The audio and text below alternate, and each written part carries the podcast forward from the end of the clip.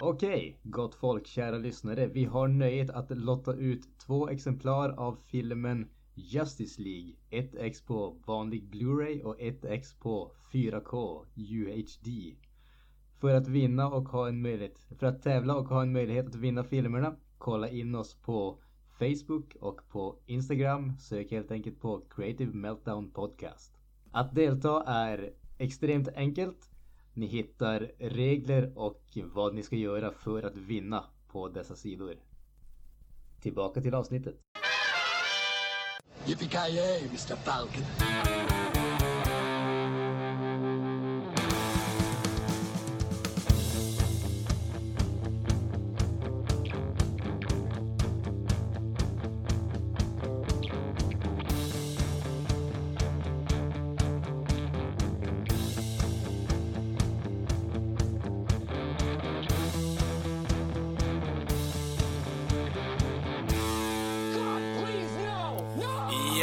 Jajamensan gott folk, hjärtligt välkommen till avsnitt nummer 70 av Creative Meltdown Podcast. Ni har med mig Kalle. Joakim Granström. Och Kent. Ja, och idag då gott folk så ska vi prata lite om eh, Ja, vi har ju som vanligt en Gissa filmerna Taglines Deluxe och sen så kör vi även en liten spoilerfri snack om eh, Tomb Raider som Kent har sett på bland annat. Eh, därefter går vi in i veckouppdateringen som vanligt, eh, ett litet käckt nyhetssvep och sen ska vi recensera Netflix nya film Annihilation. Men vi börjar då med lite taglines. Mr Granström har ju då varit snäll och förberett den här veckan, så vi börjar där tycker jag. Yes, tack så mycket. Vi har gjort det här några gånger tidigare så vi vet väl alla hur det går till vid det här laget. Jag läser en tagline och mina medpodcaster ska gissa vilken film de kommer ifrån. Eh, de här taglinesen kommer courtesy of eh, Games Radar. De hade en lista på en massa sunkiga taglines. Vissa av de här, vissa av de här filmerna är eh, kanske lite obskyra men de hade lite kul taglines och det var därför de hamnade på listan. Men vi börjar med en gång. Nummer ett. Terror has no shape. Eh, Oj. ehm, Jag vill säga den här uh, typ flubber för skräckfilmer. Vad fan heter den? The Blood. Du har den? Tror jag. Var det den? The Blob. Blob. Ja, ja, ja, det, det, är nära i nog där känner jag. Ja. Nummer två. What happens when the numbers run out? Vad i helvete. Typ såhär speed eller någonting. Nej, inte riktigt. Eh, jag vet inte, typ imi imitation game. Nej. Det är med uh, Nicolas Cage. Eh, Ja, vad är... Snake Eyes. Vad är... Nej. Nej. Eh, vad fan kan det vara? Hans provspelning från Stålmannen. Nej, det är uh, Knowing heter den. Okej. Det, det, alltså, jag, jag kommer vagt ihåg den för det, det, tanken med den när den släpptes i alla fall här i Sverige det var typ att det skulle vara någon sån här typ, typ av comeback ungefär för den. Den var Okej. rätt sunkig så att eh, de failade Ja. ganska hårt där men ja. Tagline nummer tre. You can't handle the tooth. The Tooth. Ja, The Tooth Fairy med... eh, ja, Dwayne The Rock Johnson. yes. The Tooth. Och Steve Merchant. Ja, fan. Kvalitetsfilm. Nummer fyra. This summer, terror won't be taking a vacation. Ja. Ehm, jag vet inte. Jason Goes to Mallorca eller något. Nope. Vacation. Ja. Terror won't go on a vacation. Nej, Jag ingen aning. Ledtråd.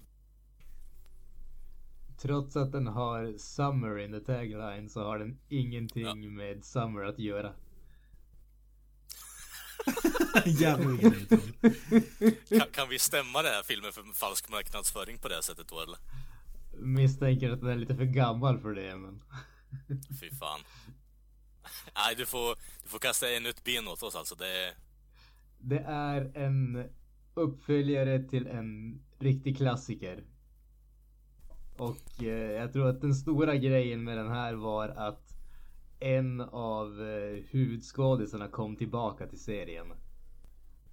Ja, vi kan inte Ja. uppehålla oss hela dagen på den här så eh, ni får svaret här.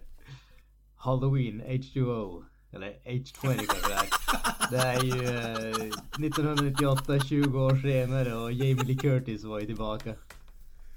Okej, okej, ja. Okej. Nummer fem. Och det här är väl förmodligen den mest geniala bara för att den är så dum. This time. It's personal. Uh, Oj. det där kan ju vara typ vad fan som helst. Den där vet jag vad det är, men jag kommer inte på det. Ja, det, den är bekant är den, fast det känns som att det kan typ användas på typ 50 andra filmer som är likadant också. Det kan användas i typ alla filmer men det som är så genialt är... Jag tror att det är en Alien-film. Nej, men du är inte så långt borta. Kan det vara en Predator-film där kanske? Nej, inte riktigt. Är vi inne i sci-fi-träsket? Nej, det skulle jag skulle nog säga att den här är eh, mer inne i eh, skräckträsket. Ja, då är jag inte med. Ledtråd.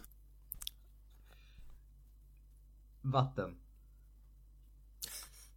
Ja, det, det är någon av Fredag den 13 i så fall då. Nope. Nähä. Kan det vara, kan det vara, kan det vara... Nej, det är hajen ju för fan. Ja, just det. Det är hajen... eh, Jaws. The Revenge. Revenge. Ja. Ja. This time it's personal. Ja, Jag vill veta vem som, jag vill veta vem som kom på den taglinen och han borde få den största bonusen någonsin. Okej, tagline nummer sex. When a girl has a heart of stone, there's only one way to melt it. Just add ice. Ja, eh... eh oh, coolest ice med Vanilla Ice. In once! nice! Japp, det var det alltså. jo.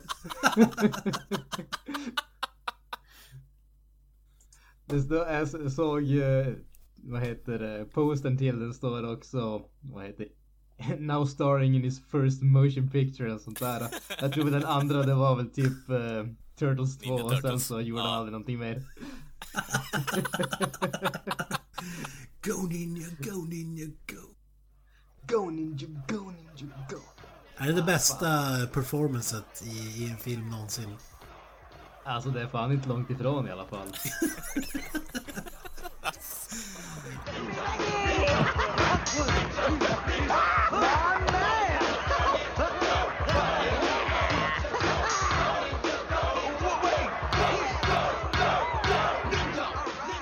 Jävlar vad badass det var alltså när man var yngre. Nu också. Alltså det, det, det går ju inte att eh, liksom sluta älska scenen när, när det är liksom Vanilla Ice och så börjar de slåss på diskot och hela den biten. Alltså det är Ja. så jävla bra. Det är så klassiskt. Alltså, Filmmaking 101. Ja, ja men alltså precis. Då, då borde, alltså det där ska ju gå liksom in the Hall of Fame. De borde göra en eh, stjärna på den här Hollywood Walk bara för den scenen. Bästa musikalnumret. Ja, Jag tror precis. att eh, den blev faktiskt nominerad till eh, 15 Oscars bara för den. Den scenen. Låter eh, rimligt. Vann allihopa. Det var en gigantisk exakt. skräll. De Best fick special effects liksom. måste Det var ingen som ville ta emot det. Best rubber suit måste vara nominerad. Ja, jag tänkte precis säga det. Best animated rat liksom. Ja precis. Det var Vanilla Ice som vann den förresten. Come on, come on, call the police! The police! What are you doing? They like it! They like it! Go, go, go, go! Okay. They like it. The foot! Woo! It's party time, boys! Vidare till eh, Tomb Raider. What's your name? Laura Surname? Croft.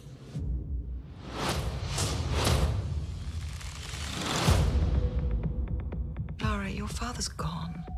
You can pick up where he left off. I see so much of him in you. Ja. Jag har ju då varit på bio och sett eh, Tomb Raider med Alicia Vikander, svenska skådespelaren. Mhm. Ingen, ingen annan av er hade sett den, vad jag förstod eller? Nej, Jag ska se den nästa vecka. Ja, det lutar åt det för mig också så att... Eh, som sagt, vi tar det spoilerfritt. Ja men vi kan ju börja med Tomb Raider-spelen. Jag har ju inte ägt ett Tomb Raider-spel. Däremot har jag spelat det hos eh, polare och sådär. Men har, har ni någon eh, erfarenhet? Oh ja. Oh ja. Var det Playstation 1? Det, Jajamensan. Eidos vet du. Jajamensan. Jag tror Polygon faktiskt... eh, tittar. Ja, precis. Jag tror faktiskt första Tomb Raider släpptes inte före till Sega Saturn, har jag för mig. Eh, Jag vet faktiskt inte. Jag tror, de, de släppte ju där och sen på PC efteråt också, efter Playstation 1. Så jag kommer inte ihåg eh, kronologiska ordningen där, men det, det har ju släppts på alla de konsolerna så. Ja, det släpptes ju där, där i, omkring och det var ju gigantisk succé. Jag vet inte om man kan säga någonting annat.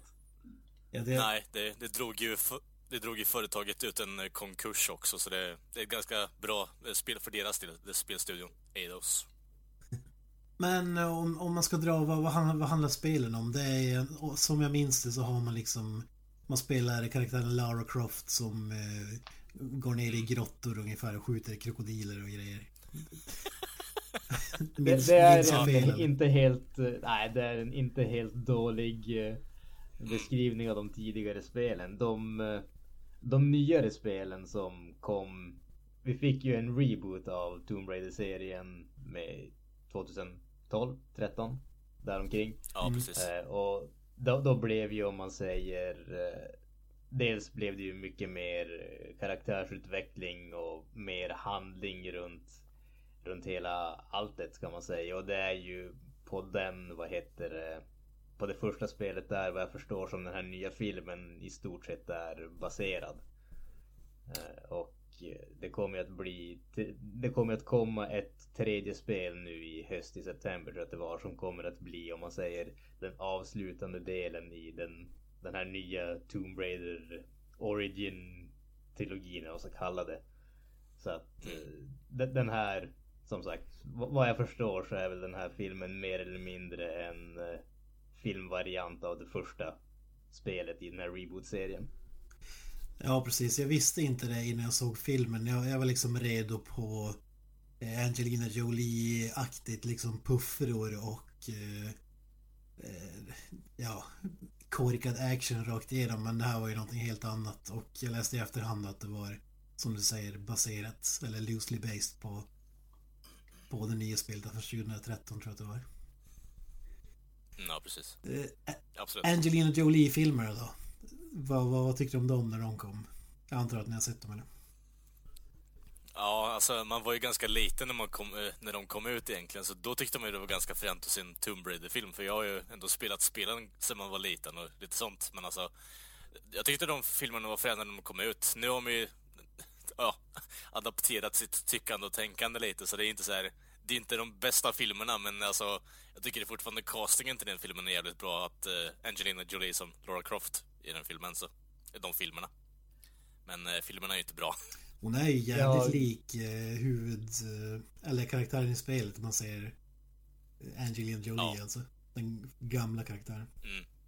Mm. Ja, precis. Alltså, man har givetvis sett de filmerna men jag, jag tillhör ju det där eh, Den gruppen som eh, aldrig riktigt spelade Tomb Raider faktiskt. Jag prövade första spelet men jag tyckte inte om det så att jag tror inte jag spelade ett enda Tomb Raider spel mellan det lilla jag spelade första fram till eh, rebooten så för mig var det bara en liksom random actionfilm baserad som bara råkar vara baserad på ett tv-spel. Så att eh, jag vet inte om jag har någon speciell koppling till de filmerna på så sätt. Utan ja, det, det var liksom medelmåttig actionfilm. Jag vet inte. Inte så mycket mer för mig i alla fall. Jag tyckte ju faktiskt om den första när den kom. Som sagt, det var ju liksom 15 år sedan. nästan. Eller ja, det blir väl 15 år sedan tror jag. Ja, typ. Jag har inte sett filmen sedan dess. Jag såg den kanske 2003, 2004 ska jag tippa. så det var ju ett tag sedan. Men för att vara en tv-spelsfilm så på den tiden var det ju ändå hyfsade filmer. Det, det är ju det som är lite skillnaden här. Det, det, det var så jag tänkte, hur ska man liksom se den här filmen? När man går in i den. Ska man se det som en... Man kan se det på två sätt. Ska man se det som en tv-spelsfilm eller tv-spels adaptation eller ska man se den som en vanlig film? Och där, där eh, blir det ju ganska stor skillnad tror jag.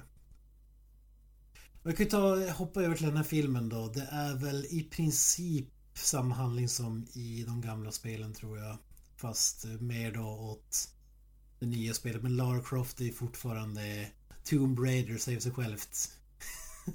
Raider Tombs, en eh, Indiana Jones eh, figur. Och den, den här filmen är ju då en origin story kan man säga.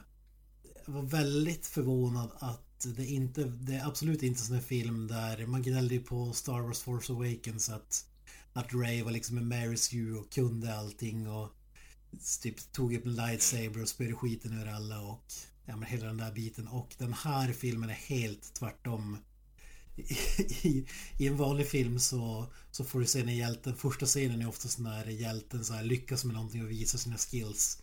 Här förlorar hon liksom en slags MMA sparring eh, match och sådär och det fortsätter så genom hela filmen. Men en kort grej där bara. Det blir alltså en, eh, en riktigt vettig origin story här i slutändan man har klart på den här filmen då, eller? Ja, det Alltså jag har, jag har ingen koll. Jag kommer... Jag har ingen koll på tv-spelen så, så jag vet inte hur troget det är och sådär, men... Nej, nej, nej, men... Nej, men det var inte det jag tänkte på, utan det jag tänker mer på är att eh, du som är helt eh, nollställd från eh, franchisen överlag, tycker du att det är som en film, att det är en bra setup på att göra mer filmer ifrån? Ja, men det, det tycker jag ändå. Det tycker jag ändå.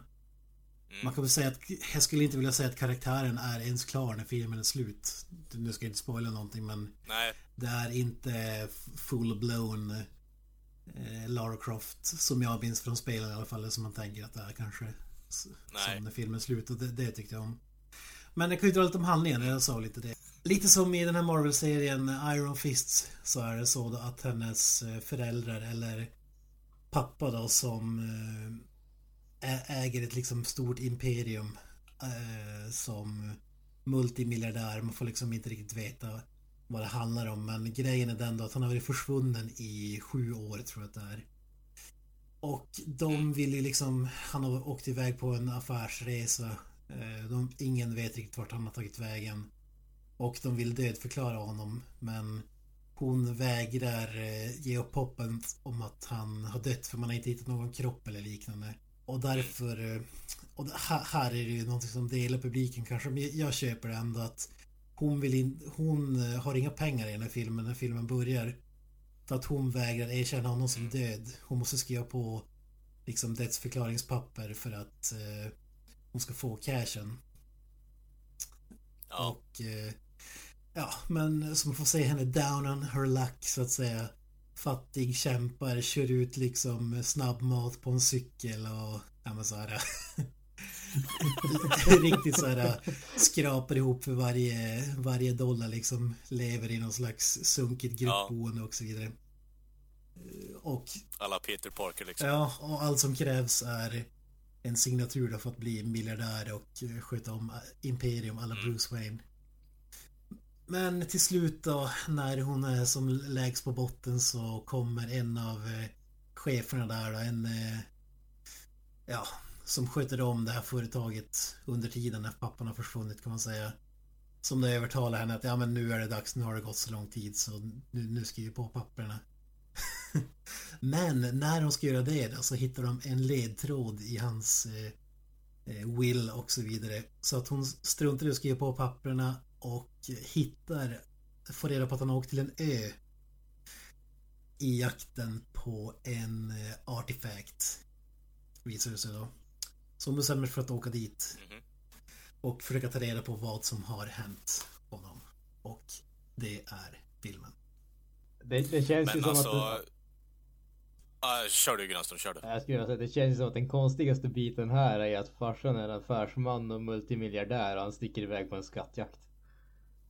Ja. ja, det är lite så här äh, hemligt. Jag, jag, tror att han är liksom eh, Indiana Jones fast Batman. Alltså han, eh, det, det är liksom inte allmänt känt att han är, eh, gör det han gör. Utan han äger en jäkla massa företag men på fritiden, eller det är som att det är liksom en, eh, vad ska man säga, Skal Corporation för att egentligen göra Okej.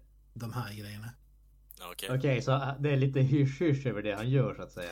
Jag förstår det så. Jag, jag tror så förstår jag det. För att Ja. i den här filmen så är det lite så här Da Vinci-kod, Da Vinci-koden ledtrådar. Som liksom, ja, en femåring har listat ut men det har tagit dem flera år då att... och så hittar Ja. hon till eh, farsans Batcave så att säga. Där han har, eh, ja, där hon hittar då liksom to, allt du behöver för att vara en Tomb Raider. Okej, ja men det, det kan jag Kort, ändå... korten liksom. Det kan jag ändå köpa. Alltså att liksom... Han han gör det och liksom allting annat är på något sätt en front för det. Det, det, det hade ju varit väldigt konstigt om man är liksom businessman by day, Tomb Raider by night ungefär. Nice. Det var det jag tänkte liksom att det blir en sån här reveal-scen där nere i grottan att eh, Lara hittar hans eh, jävla tajta shorts liksom. Två pistoler vid sidan av och en, eh, ja, ur- urringad tröja liksom. Nej, det är så inte, är det inte, men det finns ett, ett rum, en, en tomb inne på deras stora så här Wayne Manor Mansion. Undangömt. Som, eh, som då finns kartor över hela världen. Finns liksom ja, men all- alla möjliga dokument och grejer. Som förmodligen kommer into play i uppföljare då, så att säga. Finns ju mer uppdrag. Nice. Ja men och hon eh, ja, tar upp ett spår och liksom kommer till tar sig till den här ön med hjälp av en snubbe som hans farsa sålde en, eller skulle ta eh, Lara Crofts farsa till den här ön och båda försvann. Så då två orphans eller vad de ska kalla det åker då och försöker ta reda på vad som hände. Vad som hände dem liksom. Det låter lite... Ja, jag tycker ändå... Okej. Jag tycker det låter som eh, det åtminstone finns någon konkret handling i den här filmen istället för att det bara ska vara liksom Oj, vi liksom det är snubbar som också vill eh, raida den här tomben och så ska vi skjuta ihjäl dem ungefär. Ja, alltså om du går in i den här filmen och tror att det är liksom Expendables 4 eller eh, Rambo eller då är det, det här är en helt annan film. Det är... Jag, när jag, tänkt, jag tänkte att det skulle vara liksom som de här gamla Mumien-filmerna med Brendan Fraser ungefär. Men det, det, är ju, det är ju mer än så. Alltså det är lite så är det, men betydligt eh, mer uttänkt och eh, bättre gjort än så. Just att det är liksom nerspelat, du har inte det här... Äh, puffra då, du får inte se Hon håller inte in en puffra i hela filmen till exempel. Alltså... Ja, du har inte de... Äh, de bitarna finns inte. Ja, kort fråga där bara egentligen. Eh, jag tänker mer bara... Vi har ju snackat skit mycket om den här filmen med trailern och det liknande innan och postern för den delen. Eh, men alltså överlag Kent, tycker du att det är mycket suspension of disbelief i den här filmen eller är det alltså trovärdigt att när hon väl genomför vissa grejer i filmen att det, det håller upp liksom? Alltså så här, eh, jag, jag kan gå in på det lite mer men overall skulle jag säga att det är i princip så trovärdigt du kan göra den här karaktären på film. Eh, Alltså Ja. det, det är verkligen, alltså visst du har de här eh, otroliga scenerna men det är liksom en äventyrs, det är mer en äventyrsfilm än en actionfilm kan man säga. Och Ja men och nice. det är liksom hur fan klarar du det här? Men det är inte så att liksom Lara Croft dödar 20 pers, eh, kör iväg på motorcykel och liksom Mm. ja.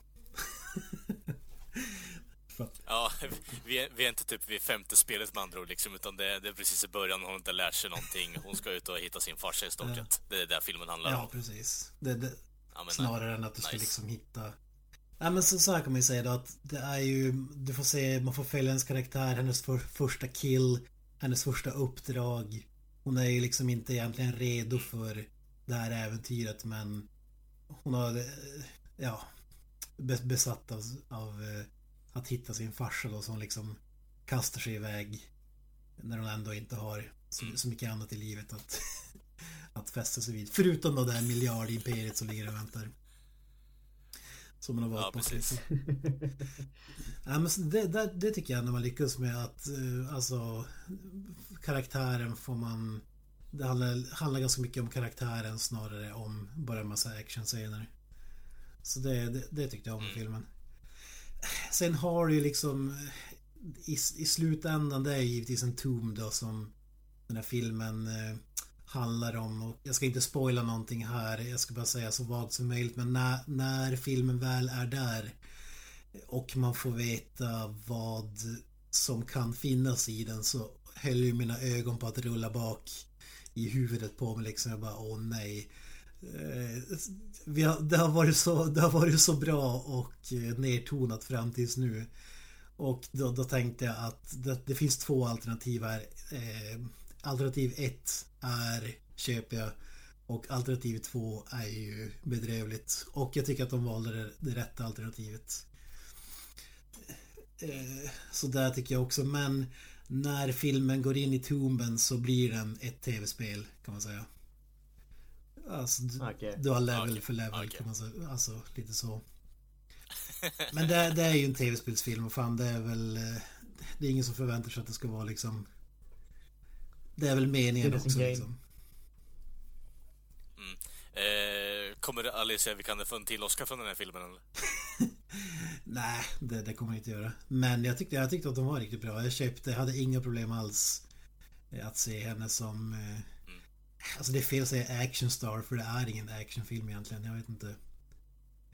Nej. De action, de Alltså, actionscener som hon är inblandade är så pass trovärdiga. Alltså de, visst det finns så här... eh, Det är inne i tomben där när de ska eh, liksom lösa hur, hur de tar sig fram också där som kanske lite väl over the top men The First Kill till exempel tyckte jag var riktigt bra gjort. Alltså perfekt.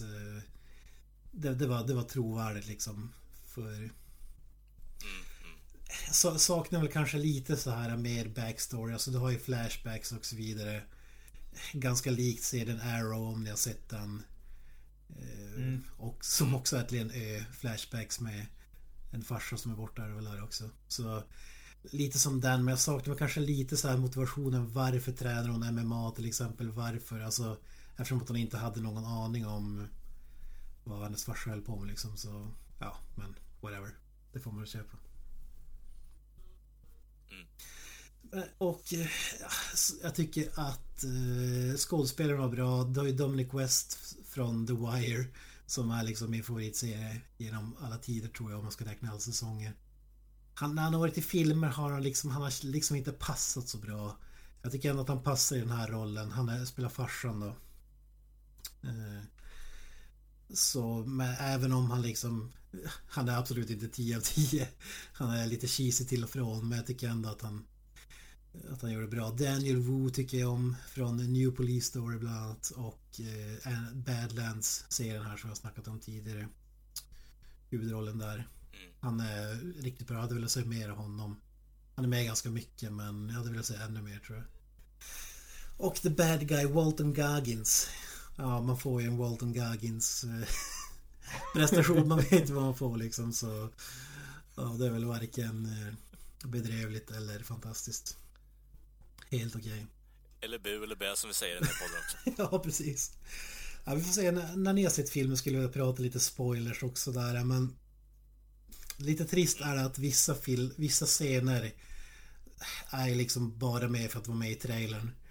Eh, Du vet när Walt, Walton Goggins säger där eh, i trailern typ Lara Croft, you shouldn't have come here. den scenen. när den repliken dras, då har ju karaktären redan pratat med varandra, presenterat sig för varandra. Och hon går ut ur ett tält liksom. Och då kliver han ut och säger det där. Alltså, jag vet inte. Ja, De har pratat med varandra i typ fem minuter innan.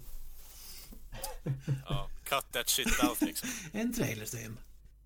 Ja.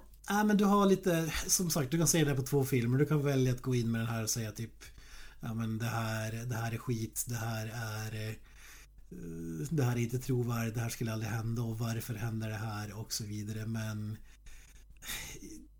Jag kände, jag brukar ju vara så i, i normala fall men jag kände inte att det var så pass mycket problem att det står i mig. Och det, är, det som är svårt här är att om man ska bedöma det som en vanlig film är en tv-spelsfilm. Och som tv-spelsfilm så är det helt klart bland de bästa som har gjorts. Den är uppe där med Mortal Kombat och Doom och så vidare. nice. Jävlar. Hårda bud i Alltså den är inte, alltså. inte, Fy inte ett mästerverk som Mortal Kombat, absolut inte. Men en bra tv-spelsfilm och en helt okej vanlig äventyrs actionfilm skulle jag säga. Okej. Men om vi kort sammanfattar det här då, bara innan vi avslutar och går vidare här. Blev du underhållen av den här filmen, Kent? Skulle du rekommendera den? Jag skulle rekommendera den till en specifik målgrupp och jag blev underhållen. Jag, jag tyckte om den. Jag skulle säga att den är runt 7 av 10. Alltså för att, och för att vara en tv-spelsfilm så är det liksom 10 av 10 nästan. Nej men... Nej men det är ju jävligt... Alltså någonstans mellan 6 och 7 av 10 skulle jag vilja sätta. Beroende på hur man ska bedöma den då. Men jag tyckte att den var så pass underhållande så jag skulle vilja sätta en 7 ändå. Den klarar sig. Ja men sweet. Eh, Det, som sagt, visst det finns grejer att peka på som är mindre bra med den här filmen men jag tycker inte att det är så mycket så att det står. Och om du tycker om eh, den här filmen är ju gjorda för international audience kan man ju säga. Alltså det är inte en Roland Emmerich film typ så här Independence Day men alltså om du gillar den typen av filmer eh, då kommer du tycka om den här Mumin-filmerna. Alltså den lånar lite från Indiana Jones, lite från eh, Ja men så här, lite Da Vinci-koden, lite Roland Emmerich-stuk, lite Mumien-filmerna. eh, Lite så. Alltså, när, när du säger sådär att den är gjord för internationalisen så hela den biten. Mm. Det, det första som mitt huvud tänker det är ju att den tar inga som helst risker. Att den, den är bara säker så att säga. Ja. Känns det, är det så eller? Ja men så, så är det. Alltså du har sett det förr. Eh, jag hade plot pointsen i huvudet. Vad jag trodde att det skulle vara och det var exakt det jag var. Alltså det, är inte något så här uh, Wow what the fuck moment eller uh, mind blown scenario. Eh, jag hade gissat filmen innan jag gick in i bion eh, ganska exakt. Eh, vilket, vilket då är lite trist. Men jag hade däremot inte gissat tonen och hur vi skulle ta oss dit så att säga. Om, om det låter vettigt. Skulle du, skulle du kalla det solitt hantverk? Ja. Nej men det, så, så tråkigt är det inte. Så, jag skulle inte solitt hantverk det drar vi till när en film liksom är Den ser inte billig ut men den är tråkig och jag skulle inte säga att den är tråkig. Eh, minus för CGI på vissa ställen måste jag säga. Men det är, det är så spars, alltså det är, det är inte Det finns en cool scen med ett plan där som är med i trailern. Där det är CGI som kanske inte är top notch. Men framförallt i Tomben så finns det några scener där det liksom Där skulle man som kritiker kunna kritisera ett och annat när de tar sig dit. Det är som sagt ett tv-spel inne i Tomb, själva Tomben men Ja. Det är som, som, som sagt förutsägbar men för att vara en tv-spelsfilm så var det en positiv överraskning. Vi har sett det förr men det är mer välgjort än vad man tror på förhand så att säga.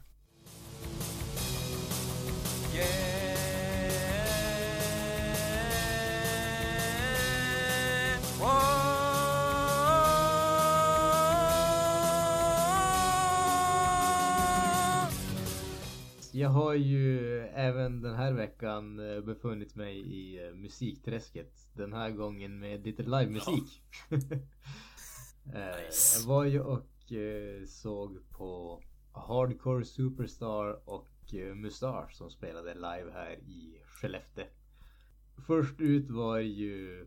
Ja, först ut var ju förbandet men eh, de såg jag inte så mycket av. Jag eh, stod i ölkön. Eh, Men eh, Hardcore Superstar är ju ett eh, band som jag har hört talas om dem. Jag har aldrig lyssnat på dem men kollat på Wikipedia. De verkar ju hålla på ett eh, ganska bra tag. Det är Eh, ett jag tror första band. skivan släpptes väl typ mitten av 90-talet ish däromkring. Så att de har ju en, en, en historia om man säger så. Jag blev ju inte imponerad om vi säger så. Milt sagt. Fan, du har ju ingen smak alltså. det, här, det här är ju fan ett klassiskt band. Alltså det var ju pionjärer fan i svensk rock skulle jag säga. I den här typen av... Det är, det är lite som ett svenskt eh, Mötley Crüe som för övrigt också Ja men det, det, det kan jag absolut köpa. Det kan jag absolut köpa. För alltså intrycket som jag fick när jag såg dem. Eh, bortsett från att Låt jag höra inte tyckte om... Nej. Eh, bo- bortsett från att som sagt jag tyckte inte, att, eh, tyckte inte om det. Men det som det kändes för det, det liksom det intrycket jag fick i stort sett med en gång. Det var ju att de liksom hade passat in perfekt om det här var 80-talets eh, glam, eh, glam metal så att säga. Då, då känns det som att de hade liksom passat in helt och fullständigt i den eh, kulturen och den stilen och hela det köret. Men det är liksom Det var aktuellt för 30 år sedan och världen har gått vidare så att säga. Eh, så Fan, du att, pissar ja. ju på all musik du lyssnar på idag för fan. Nej. Alltså. Eller ja, det kanske jag gör. Eh, men alltså jag, jag vet gla, Glam har ju den stilen har ju alltid varit den typen av musik som jag haft svårast för. Alltså det fanns svårare än country för mig.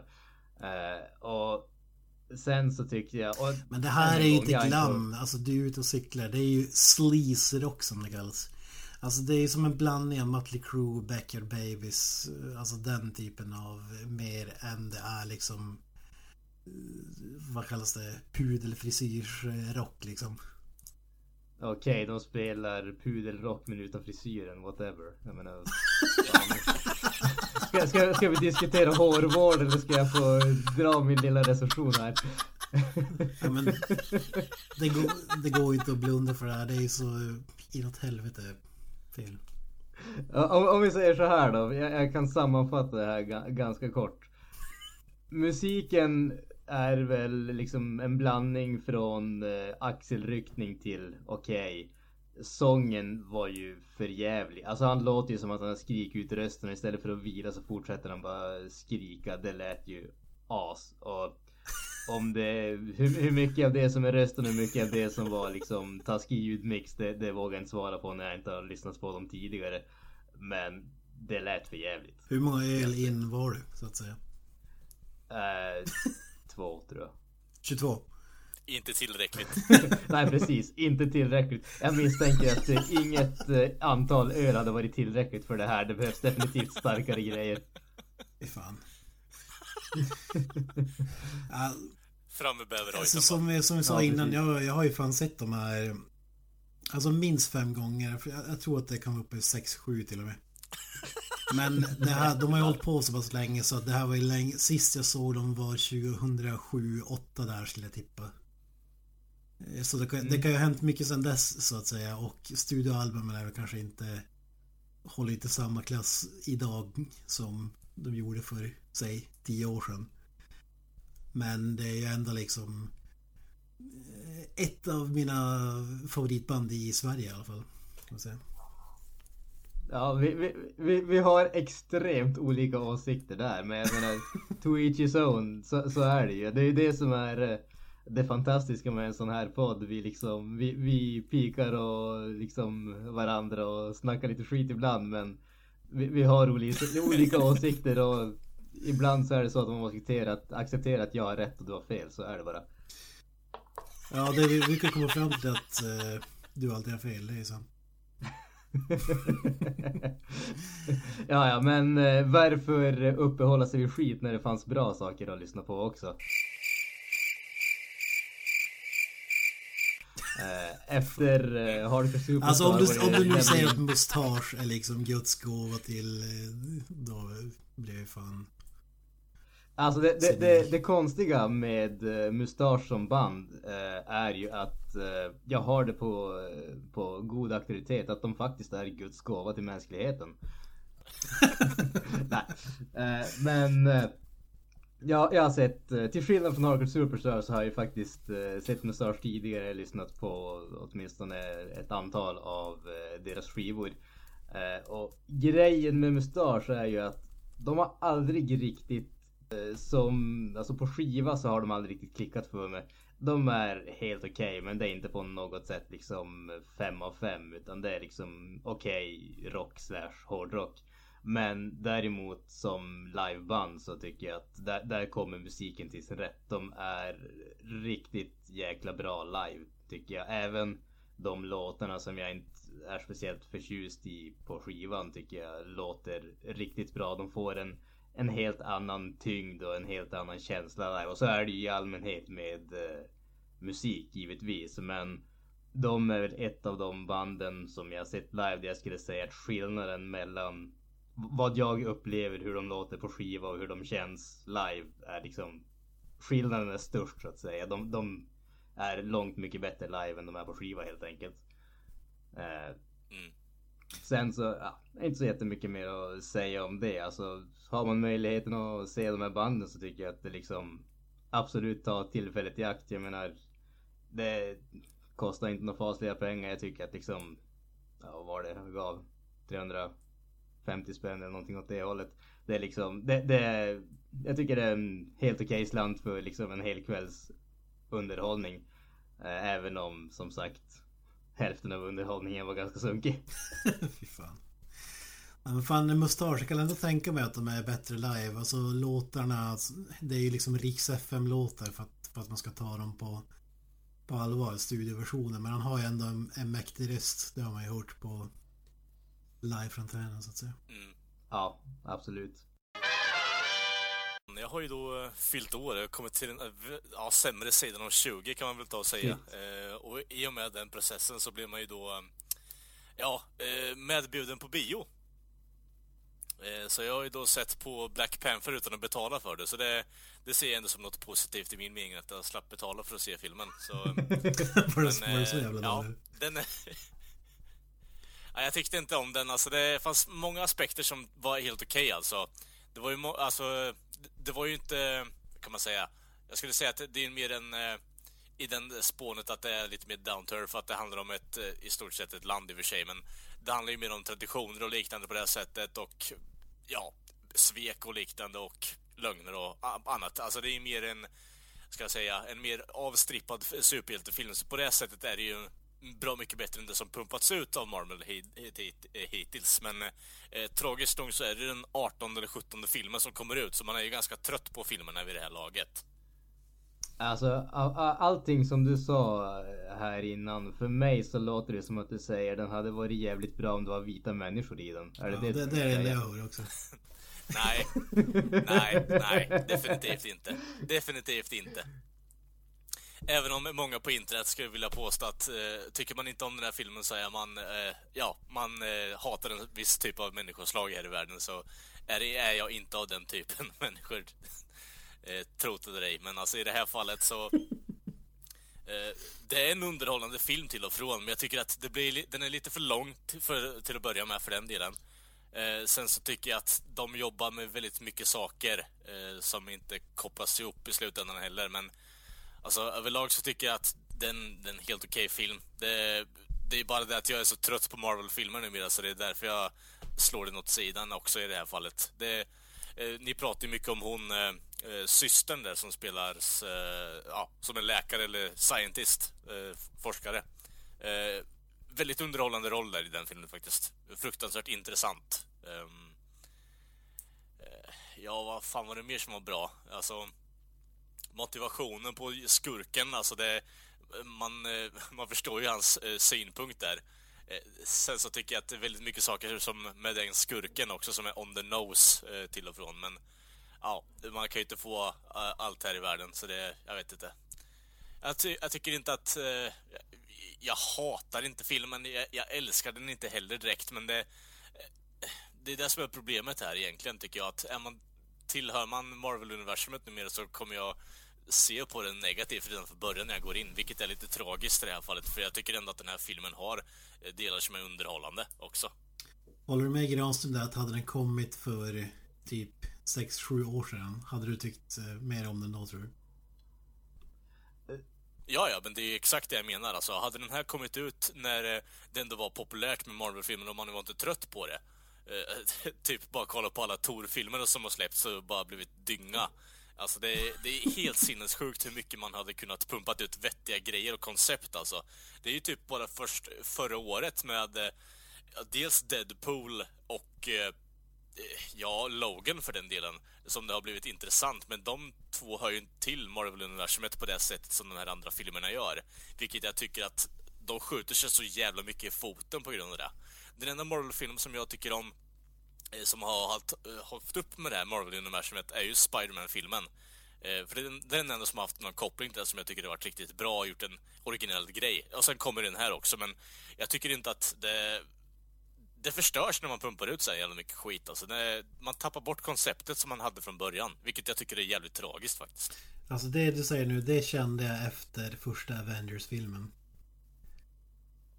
Alltså hade det stannat där, det, det hade varit... Uh Ja, det, det hade räckt alltså.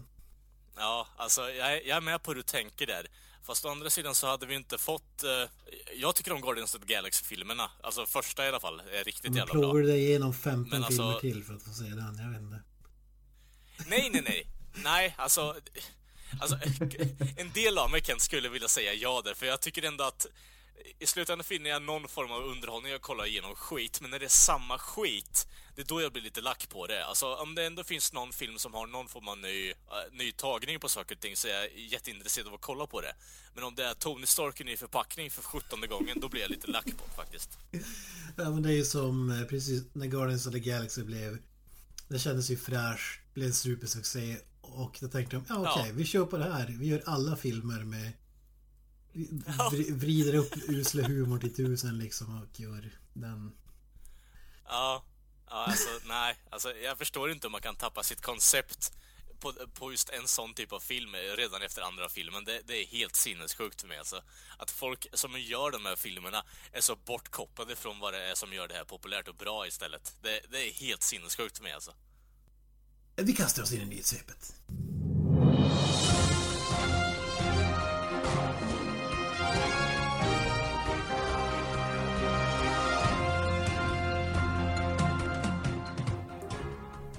Gene Simmons! Från Kiss. Från Figurkiss, Snåljävel. Snål jävel. snål jävel. Mäster på absolut. Spelar i ett så Spelar i kallat, ett så kallat rockband. Amerikanskt rockband. Ekar är in. Ekar är in eller? Nej men för nytillkomna lyssnare handlar det alltså om Gene Simmons från Oscar Kiss. Så kallat amerikanskt eh, rockband. Ja, det var väl det. Så kallat band spelar eh, så kallad musik. Tjänar så kallade pengar i så kallade multum. På så kallade shady gör han verkligen det. Ja, allegedly i alla fall. Vi får hoppas det som han kör. Alltså kort side, kort side note här bara. Eh, jag vill att vi prövar Kiss Cola till eh, någon, något avsnitt här i alla fall. Var köper man Går det, det? får du ta, går det att få tag i Sverige så eh, absolut. eh, nej men Gene Simmons, vi måste ju backa här lite. Eh, vi får, eh, vi har ju hånat honom lite här. Eh, de sökte ju patent för eh, End of the Road. Eh, många spekulerade att det skulle bli Kiss eh, sista spelning och så vidare. Men det visar sig att det är ju inte Gene Simmons som ligger bakom utan det är Paul Stanley. Ja, vi, vi ber om ursäkt Gene Simmons. Det var, det, det var lågt av oss. Vi skulle ha sagt reda på den här oerhört viktiga faktan innan vi... Vi, vi tryckte på publish lite för snabbt där alltså. Ja, ja, ja vi- vi tar, vi tar kraftigt avstånd från eh, de ironiska kommentarerna fällde den gången.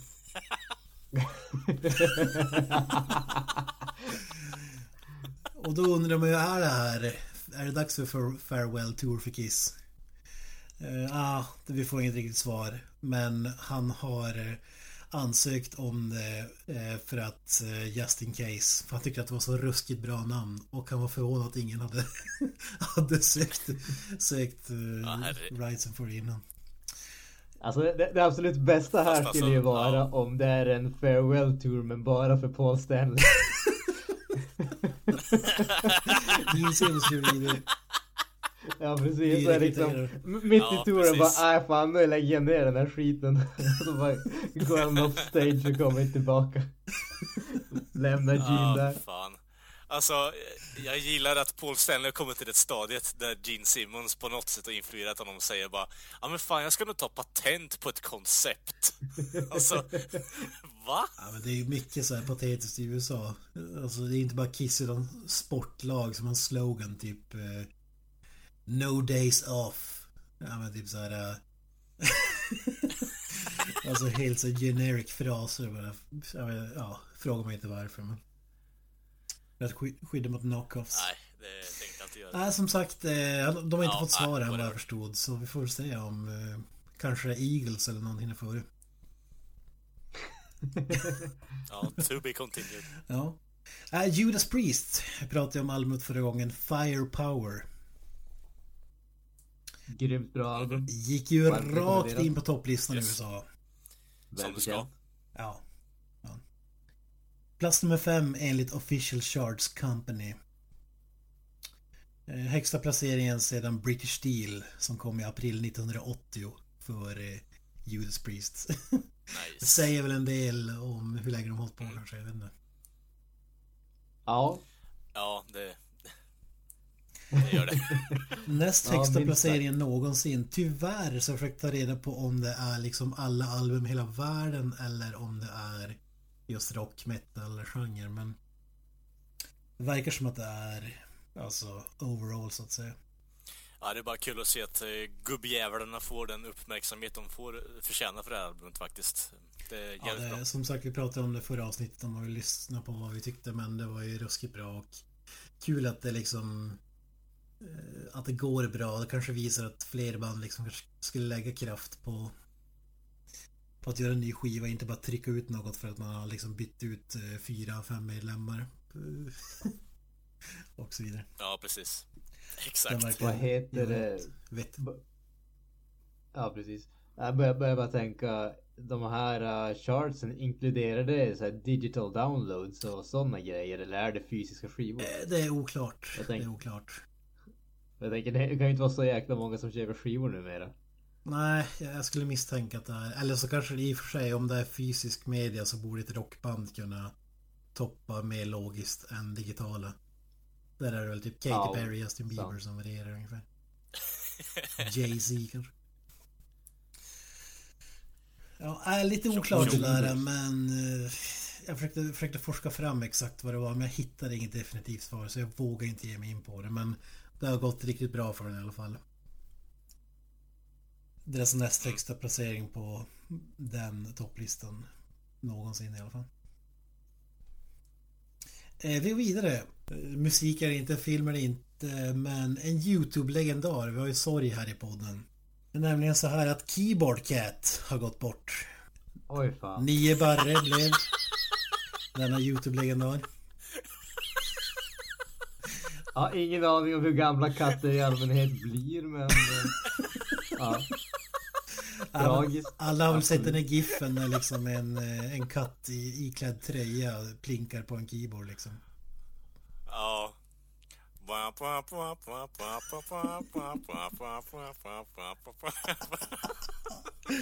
Ja men det är ikoniskt. Det är liksom som att Star Wars Kid skulle gå bort. Alltså så pass ikonisk är den ändå. Eller hon, vad den är. Ja, okej. Ja, trist. Vad säger ni? Vad Kalle, vad är det för relation till Keyboard Cat? Alltså Keyboard Cat har ju varit en stor musikalisk influens för min del. Eh, känner ju det där fortfarande. Det, det lever ju fortfarande kvar nu. Det hörde bara. Jag kan ju nynna den där utan till så jag, jag har lärt mig alla Keyboard Cats eh, låtar på gitarr så det, det är jag lite stolt över. Det är synd att han har gått bort bara. Det, det är Keyboard Cat och Angus Young som är dina influenser. Så är det ju. Ja, ja precis. Nej, ingen precis. kunde bära upp en tröja som, som Keyboard Cat alltså. Nej, ex- exakt. Ingen kunde liksom fästa fisketråd i de där tassarna som han alltså. Det är helt otroligt alltså. Ja men som sagt, spinn vidare in heaven, Keyboard Cat. Vi saknar dig, RIP. To those about the Keyboard Cat, we salute you.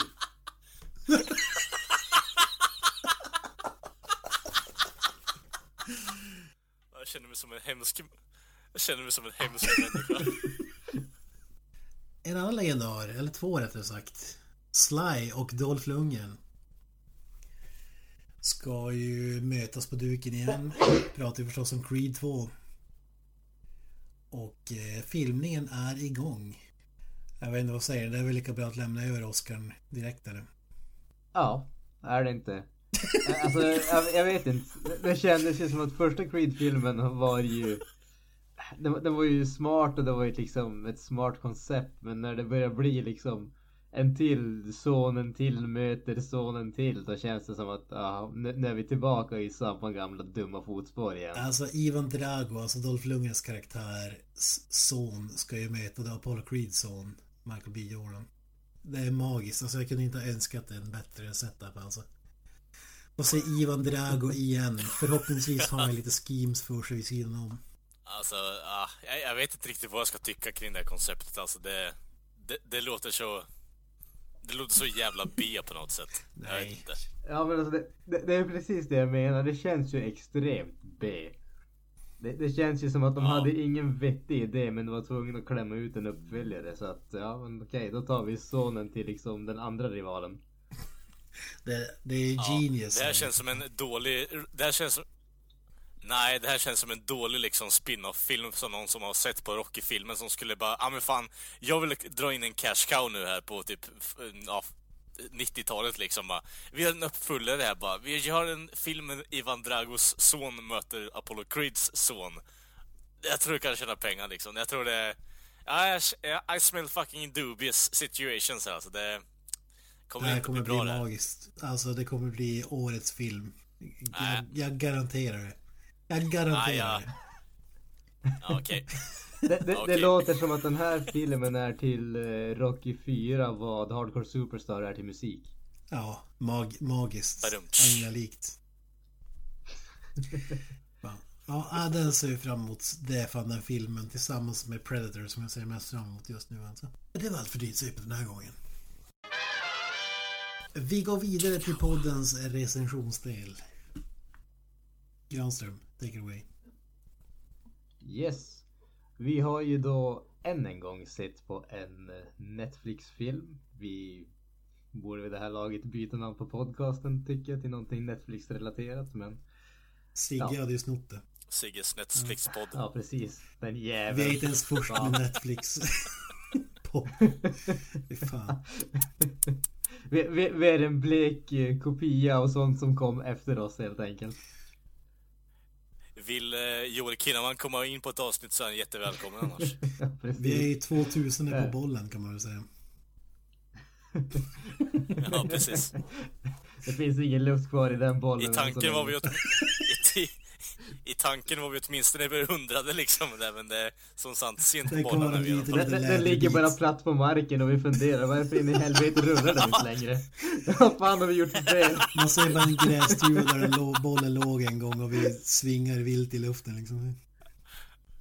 We try to be Nej, nej. relevant. Så det är därför vi... Ja, hur som helst då. Den här handlingen på filmen. Ja just det. Eh, som sagt, vi har sett eh, den senaste Netflix-filmen Annihilation. Gjord av, eller regisserad av eh, Alex Garland. Bland annat känd för eh, Ex-Machina och eh, med Natalie Portman som det stora namnet och även eh, Oscar Isaac i en mindre roll och förvånansvärt nog för mig i alla fall Tuva Novotny. Ett namn som man inte har hört på väldigt länge. Eh, och Jag tänkte inte ens på att hon var med faktiskt. jag såg hennes namn i eh, credits eh, där och eh, innan dess hade jag inte känt igen Okej. henne för fem öre. Can you describe its form? No. Start from the beginning. Natalie Portman spelar eh, Lena, en eh, cellbiolog som arbetar på ett eh, college slash eh, universitet. Och hennes make är en Special Forces snubbe som sticker iväg på uppdrag där hon inte får veta vad han gör eller vars han är riktigt och sådana saker. Och han har ju då varit borta i över ett år säger de när filmen tar sin början. Och han kommer tillbaka ganska omgående men är väldigt eh, konstig. Om man säger så. Han börjar liksom hosta blod och hon ska ta honom till sjukhuset men på vägen dit så blir de eh, avbrutna slash eh, kidnappade och hamnar på ett ställe som regeringen styr över. Där hon då får veta att eh, det finns någonting som de kallar eh, Area X. Som är en plats där man, det avgränsas av vad de kallar ett skimmer. Och man vet inte riktigt vad som finns där inne. Men ingen som har farit in dit har kommit tillbaka. Förutom då hennes make som är den enda och han har under tiden där inne blivit extremt sjuk. Hon som cellbiolog vill ju givetvis rädda han och inser ganska fort att hon har ingen aning om vad hon har att göra med så hon bestämmer sig helt enkelt för att eh, hon måste tillsammans med en expedition som ska in, in genom skimret eh, följa med dit för att hitta någon sorts eh, kur till hennes make helt enkelt. Sen så följer vi ju den här expeditionen in och ser liksom ja, vad det är som händer och lite sådana saker. Men det är ju handlingen i ja, grundläggande drag om man säger så. Eh, den här filmen var ju tänkt att skulle gå på bio men den, den vad jag förstod skulle den gå en vecka på bio i USA. Och eh, lyssnade yes. på en intervju med Alex Garland då, som har gjort filmen. Och om jag läste mina rader så förstod jag det som att studion tyckte, in, trodde inte att det skulle funka på bio. Så de ville liksom, ja, mer reshoots och grejer. Men han vägrade ge med sig och då slutade det med att eh, den hamnade hos Netflix istället för att eh, ja, göra om filmen helt liksom för för eh, gemene mans biobesökare som skulle liksom fatta tycke för den här filmen. så, så det jag ändå respekt för. Eh, och den är ju ambitiös och sådär men jag känner ändå inte att jag är tillräckligt involverad eller sugs in i storyn för att jag ska kunna... Den är liksom smart. Det är en sån här film där mycket är du ska tänka själv och resonera och eh, upp, uppe i luften liksom filmen säger det här men den kan också säga det här och det här kan vara kommentering på si och så. Så, så där, den biten tycker jag om liksom att det är mycket fri tolkning och sådär. Men jag tycker ändå att den är liksom Den är lite tråkig om, om jag ska vara ärlig. Jag blev besviken. Jag hade höga förväntningar på På den här filmen. Jag hade sett trailern och eh, Tyckte om Ex, Ex Machina och tyckte det var, var fruktansvärt bra. Så jag är faktiskt besviken måste jag säga. Kalle? Ja, alltså jag måste ändå säga att det här var... Jag tycker ändå att konceptet med den här filmen var intressant. Eh, jag är med på det Kent att det det tittar, alltså tycker och tänker själv är, var ett jävligt bra upplägg på den här filmen. Eh, det gjorde filmen nästan rättvisa. Eh, för alltså storyn i mångt och mycket eh, finns inte där som jag anser i alla fall. Det finns ju en som får igång filmen och tänkandet men jag tycker att storyn är ju nästan alltså sekundärt eh, kontra alltså de koncepten som man presenterar i den här filmen vilket jag tycker är ett jävligt intressant drag och bra för den delen för jag gillar den här filmen ganska ordentligt faktiskt. Eh, vissa delar tycker jag kunde ha förbättrats, klippas bort, eh, kortas ner. Jag vet inte, Natalie Portman är ju lite fram och tillbaka tycker jag också. Eh, början av filmen är hon helt okej. Okay. Sen så blir det mer och mer delar i mot slutet där det blir lite, ah, kanske kunde tagit en annan skådis liksom, men eh, ja. Ah, överlag tycker jag att det här är en intressant film, men alltså det eh, ja, jag förstår inte varför den inte kunde komma på bio, för det här känns som en typisk så här, biofilm som man går och ser på, och sen köper man Blu-ray-film efteråt också för man tycker att den, den är så jävla bra. Man vill ja, ha lite, ja, kolla på den flera gånger och förstå den eh, på flera plan också. Men ja, ja, man kan inte få allt här i världen, men jag tycker att det var en bra film. Definitivt. Jag ligger väl mer åt eh, Kalles håll än Kents i alla fall. Jag tyckte om den det, där filmen fallerar för min del är att den känns lite för svag på science-biten och lutar lite för mycket på fiction-biten. Jag säger inte att jag vill ha en förklaring till vad som händer eller varför det händer. Men jag hade gärna sett att filmen eller karaktärerna i filmen spekulerar lite mer. Nu är det mest som att någonting händer och någon säger det är förmodligen det här och istället för att liksom ha någon typ av diskussion eller utveckling till varför det skulle kunna vara så så säger de andra karaktärerna bara att okej, okay, då är det så och sen går man liksom vidare. Mm. Så det, det känns som att filmen hade kunnat ge, den hade kunnat vara djupare eller åtminstone gett mer, eh, jag vet, jag har svårt att sätta det i ord. Det känns som att... Alltså det, det är liksom en generic sci-fi story. Det är väl det som är lite synd kan jag tycka. Ja, alltså lite grann så känns det. Det känns... För mig känns det som att de ville ge filmen ett större djup genom att inte om man säger säga saker till publiken. Men för mig så har det gått lite för långt. Det känns så pass öppet så att det slutar med att filmen kanske inte säger så pass mycket överhuvudtaget egentligen. Det, det Nej. Lite grann där fastnar jag för. Sen tycker jag att eh, filmen i övrigt tycker jag faktiskt om. Alltså jag tycker att eh, Natalie Portman gör ett riktigt bra jobb. Det känns ju som att hon har ju varit borta ganska länge. Åtminstone har inte jag sett henne i filmer på eh, ganska, så, ganska så länge. Och jag tycker att hon gör en eh, riktigt bra jobb. Ett riktigt bra jobb i den här filmen. Det känns ju som... Det, för mig känns det som att senaste gången jag såg henne det var i liksom Star Wars prequel-serien så att...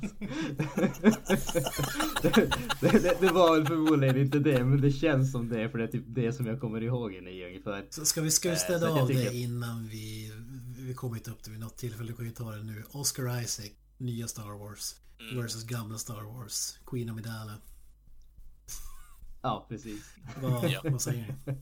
Jag vet inte, Oscar Isaac är inte med så mycket i den här filmen. De stunderna han är med är ju... Man fattar ju varför han beter sig på det här sättet i slutändan. Vi kommer ju dit sen, men alltså det... Han kommer ju in och se, alltså, är jävligt disorienterad, hans karaktärer i början. Han vet inte vart fan han är, eller vad han håller på med, eller vart han har varit. Han har ju då varit borta i ett år i stort sett, kan man väl ta och säga där. Och bara kommer in i, tillbaka i hennes liv där och är allmänt förvirrad helt och hållet. Så och sen resterande delar så får man ju se honom i flashbacks i form av videos som har spelats upp och spelats in också under den här expeditionen som han har varit del av också. Eh, men alltså överlag så tycker jag ändå att eh, han sticker inte ut så, så mycket i den här filmen. Eh, Nej. Som du säger, han är ju väl mycket, men jag tycker ändå att han vinner den fighten. Alltså Natalie Portman är inte dålig på något sätt. Och Oscar Isaac ser lite nästan ointresserad ut till och från. Men det är väl... Det väl hans karaktär ja, det, också, det är men, väl hur den karaktären... Ja, precis. Men en sak som är, med Natalie Portman, alltså när Jennifer Jason Lee håller i liksom en AK4, jag köper det. När Gina Rodriguez håller i en, jag köper det. Till och med Tuva Novotny. Men när Natalie Portman springer runt med en, det, det, det såg inte naturligt ut liksom. Jag tror hon skippat den där hon är, militärträningen. Hon är ju å andra sidan israelisk medborgare. Hon har väl gjort militärtjänst där jag för så? så att eh, hon om, no hon om någon är väl den som faktiskt kan ha gjort Jesus det här på riktigt. Ja det såg inte naturligt ut alltså. Men det kanske Fast alltså, ser det... på film på ett visst sätt jämfört med verkligheten. Ja. Fast i det här fallet så känner jag, förstår jag din koppling där, för du hade ju hellre velat se en blaster än en sån, eller Eller en lightsaber, eller någonting. det, det, känns väl som att den här filmen är väl typ den, eh, den, den enda verkliga filmen de skulle kunna komma undan med att faktiskt ha en blaster. Och vart är sminket, peruken? Alltså. Ja, precis. Filmen i övrigt tycker jag, jag tycker om den. Det är bra skådespelare, jag tycker att eh, jag tyckte musiken var lite småintressant faktiskt. Den är, jag vet inte vad man ska kalla det riktigt. Det, det känns, det är ju inte så här ett vanlig orkestermusik som det är i de flesta filmer. Utan det kändes ju lite mer lågmäld, lite mer elektronisk och sådär. Jag tyckte om det. Det, det var lite om... Typ. Vad sa du? Ja, jag, jag, känner att det är typ lite mer stämningsmusik. Mm. Alltså det, stämning, den speglar stämningen i filmen som de vill få fram jävligt bra tycker jag. Så jag är helt med på att musiken är fruktansvärt lite bra i den här filmen faktiskt. Lite mer horror, eh, kannibalfilms musik. Alltså. Ja. Ja, mm. precis. Precis. Ja, det som sagt, det, det, där jag tycker att filmen, de svagare bitarna av filmen, det är ju som sagt just att den inte är tillräckligt eh, science för min smak. Sen tycker jag även att den, den tar alldeles för länge att komma igång. Det, jag tyckte inte att liksom början var speciellt intressant utan det är ju egentligen först när de kommer in i, i skimret som, som filmen verkligen kommer igång och blir intressant. Jag tyckte det tog alldeles för länge och alldeles för många ointressanta bitar som, eh, som tog upp tid innan vi kommer dit helt enkelt. Jag tycker nästan tvärtom faktiskt. Ja, Alltså du och jag har ju typ motsatta smaker upptäcker vi idag alltså. Ja det är verkligen Det tog bara 70 avsnitt men nu vet vi vart vi har varandra. Ja men eh, största problemet jag har med den här filmen det är ju som man kallar för pacingen, alltså tempot. Det var ju oerhört lågt. eh, Och så sen vissa stunder är liksom perfekt. Andra är bara på tomgång. Alltså det blir som liksom ojämnt. Man, man stannar vid vissa saker för länge tycker jag. Och vissa kanske man bara städar av och går vidare. Jag tror det var mycket där som filmen sviktade för mig tror jag. Och där att den försöker vara liksom djupare än vad den är, känns det som. Jag hade ju... Ja, det blir ju, det blir ju mer att man får ju någon form av, eh, jag skulle vilja säga att man får någon form av typ eh, artificiell intelligens med det här att de försöker ju, det blir ju ambiguously, att man får ju tänka mycket själv blir det ju. Men de har ju ändå byggt något form av koncept, så jag är med på det Granström säger att det hade varit lite vettigare om man hade haft någon form av diskussion kring de koncepten som, man, som de upplever i det här fallet, så att man får någon form av strukturering kring det i alla fall, annat bara mishmash av skit som kommer emot den hela tiden. Det blir lite mycket där. Överlag tycker jag också att det, pacingen där första halvtimmen, för det tar typ en halvtimme innan de kommer in i skimret. Var det bara en halvtimme? Ehm. Det kändes mycket längre. Ja. Ja, alltså jag är med på det. För det, i början där när hon eh, är på universitetet och liknande och eh, avstår från en grillfest liksom för att gå hem och måla. Eh, jag vet inte, det, det känns så onödigt egentligen. Man hade bara kunnat visa någon bild på eh, Alltså honom där är det där för att när visa man skuldkänslor. Hon hade ju varit Spoiler alert, Jo, det jo, är ingen men- spoiler egentligen men otrogen under tiden som han hade varit försvunnit liksom. Jo, jo. Så det var ju inte jo, liksom jo, att absolut. Nej men jag ska gå hem och måla, alltså det var ju inte bokstav, det var ju bara så här en dålig ursäkt liksom. Nej, nej, nej. För att visa att uh, guilt-trippen. Liksom. Jo, jo, jag fattar. Jo, jo, självklart, men jag vet inte, det känns som att vissa delar så hade kunnat skippats i alla fall. Det, att eh, hon är otrogen medan att han har varit död, citationstecken, är ju såhär bara... Vad fan ska jag göra liksom? Du har varit borta ett år. Det, det är ändå på något sätt... Man kan förstå hur hon tänker i Grejen det var här väl fallet. att han då, var väl gift även om det är också, snubben som var otrogen med Jo, jo. Men det är, that's on him i så fall. Det, det är en helt annan sak. Hon har ju trott att hennes make är död liksom, så det... Ja. Det är, inte- det, för, det är inte relevant för historien överhuvudtaget i det här fallet, tycker jag i alla fall. Om vi ska gå vidare till någonting som... Men vänta, eh, innan, vi, är, innan, vi, innan vi går vidare där. Jag tycker att den biten var ju relevant för det blev ju liksom så här eh, ett self-destructive mode för eh, Natalie Portmans karaktär genom hela filmen. Alltså känns det liksom, verkligen som att de var i en downward spiral som gick eh, längre och längre ner och som börjar med allt det där liksom. Alltså det känns som att hon inte brydde sig om så mycket längre förutom hennes eh, man då så att säga som ja, visar sig komma tillbaks då men som filmen fortsätter liksom så det är ju mer det jag skulle nästan vilja säga att det är det filmen handlar om för, för min del. Alltså nu är det en sån där film att det är up in the air vad det egentligen handlar om liksom men det tycker jag ändå var ett stort Jo. tema genom hela filmen. Jo, alltså det är jag med på att eh, alltså självförstörelsen är en stor del av filmen, för det säger de ju rakt ut också, så det är inga problem med det, men jag tänker att att hon är otrogen med det, det visst, det är en dominobricka i hela spelet och det, du behöver ju ha det på något sätt, men jag tycker att det läggs alldeles för mycket tid på det i den här filmen, vilket jag tycker inte, ja, det, det inte är relevant i slutändan, tycker jag i alla fall. Men eh, ska vi ta och lägga några betyg på den här saken innan vi kastar oss in i lite spoilerträsk kanske? Absolutely. Eh, jag hade ju, jag läste eh, någonstans att det här skulle vara liksom en film i klass med The Thing, John Carpenter och det tycker jag verkligen inte att det är. Och jag hade uppskurade förväntningar, tyckte den var sjukt intressant på förhand så det gör väl lite, alltså det är svårt att leva upp till sådana förväntningar kanske. Men jag tycker inte att det är en dålig film även om det kanske låter som det när jag, när jag pratat om den här. Men den här filmen är någonstans mellan 6,5 och 7 av 10 för mig i alla fall. Men jag, jag kan inte ge det mer för att man, man, försöker göra den djupare än vad den är och jag tycker inte att det djupet finns. Och det är lite som jag tycker att Ridley Scott brukar göra i sina filmer. Att man liksom lämnar saker öppet bara för att det ska verka smartare. För att vi har inget besvara den här frågan så gör det filmen sämre liksom. Alltså att man tänker lite så. Ja, jag är inne på samma spår där ungefär att eh, det är runt en sju 7,5 skulle jag vilja sätta som betyg här egentligen. Det, det finns bra koncept men de tar aldrig någonting och fokuserar på det enbart så att man får någon form av klartecken i vad det är de vill förmedla i filmen. Eh, annars så tycker jag att det är jättesnyggt visuellt. De leker jättemycket med ljus, alltså färg, former, eh, ja, alltså tekniska koncept överlag. Eh, jag tycker även att många av skådespelarna gör ingen stor grej över att de är där, utan de spelar sin roll som det.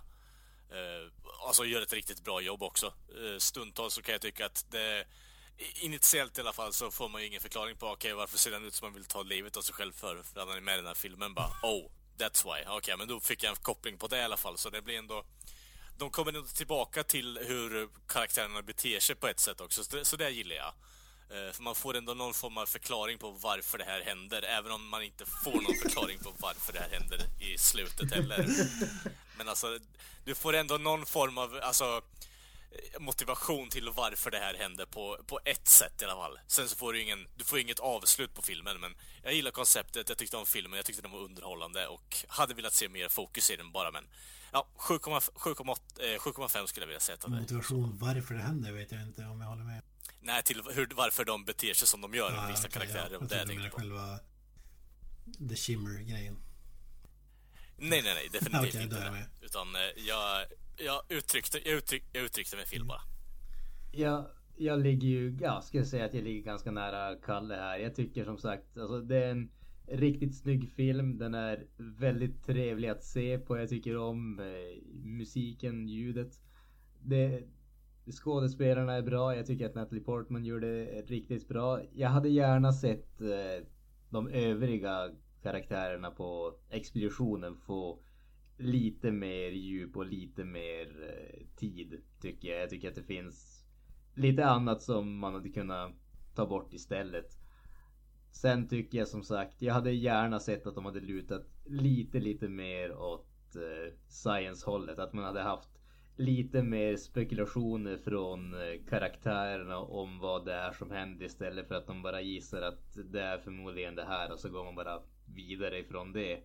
Så att det, det finns liksom vissa grejer som jag tror hade kunnat ge filmen kanske en lite klarare röd tråd och samtidigt lite mer djup. Men på det stora hela så tycker jag absolut att det är en film som är väl värd att se. Den är, jag tycker som sagt, det finns vissa partier som är lite lite långsammare och inte riktigt lika intressanta men på det stora hela tycker jag att det är en en bra film helt enkelt. Jag ligger någonstans mellan ja, 7,5 till svag 8 däromkring för mig ändå. Från och med nu så kommer det att bli spoilers för Annihilation. Vill ni inte lyssna på några spoilers så kan ni klicka av avsnittet nu och då syns vi igen nästa vecka. För er som vill lyssna på spoilers så kör vi igång nu. Spoiler alert! I vanliga fall när vi kommer hit ofta så är det så här Ja, vad ska man snacka om spoilers? Det finns inte så mycket att liksom Spoiler, men här känns det typ Det finns för mycket mm, Här har du en hel del Ja, alltså exakt det, Men det är väl kanske det som är meningen med filmen också Att man ska liksom spekulera och ha teorier Att det är lite av, av grejen också, eller vad tror du? Alltså så, så är det ju absolut Jo, men det, det, det är ju Alltså, jag, jag vill ju påstå att just den där spekulationen och tänka, ef tänka efteråt efter att man har sett filmen. Det, det, är ju på något sätt grundstenen i vad som gör en bra science fiction film för min del i alla fall. Absolut. Och jag tycker ändå... Jag skulle, jag skulle argumentera att det är en eh, bra grundsten för film överlag, för alltså det är ändå därför om jag har förstått konceptet rätt när jag har pratat med er, jag har ändå pratat med er en hel del gånger nu, 70 avsnitt och sen lite grejer utanför. Det är ändå det som gör film intressant, att man faktiskt kan diskutera saker och ting efteråt. Det är det som är halva grejen, för min del i alla fall. Ja, så är det ju absolut. Mm. Men som sagt, jag, ty jag tycker speciellt när det kommer till en science fiction. Hela grejen med science fiction är ju att det är spekulativt. Det, det är liksom, ja givetvis det finns ju rymdopera och den biten. Men just det här att man, man tar det som hur vi ser på världen idag och man liksom extrapolerar det och försöker liksom ta det till en ny gräns eller ett nytt sätt att se på det, ett nytt sätt att tänka om det. Det är ju det som är liksom, det är ju det som gör science fiction till science fiction. Ja, jag är lite mer så här. Eh, jag, jag gillar ju science fiction, en av mina favoritgenrer. Men jag är ju mer så här eh, aliens. Eh, eller lightsaber story som du säger. De här, den typen. In, inte så mycket för de här liksom fundera på som vi säger till Blade Runner. Eller vad göras mänskliga och så vidare som det är i all, alla de här filmerna. Alltså den typen av grejer är för mig inte så superintressant. Och det kanske är det som gör att det liksom inte fastnar för den här filmen också. Jag vet inte. Jag tycker om det här att man liksom kan att tänka efter en film, att det sitter kvar i huvudet och sådär. Men jag kan inte säga att jag har funderat särskilt mycket över sen jag stängde av den här filmen på temana utan ja, det, det fanns som ingen hook för mig liksom som var tillräckligt intressant för att jag liksom skulle börja fundera på den. Som jag kanske gjorde med, vad, vad med Blade Runner till exempel. Mm. Mm.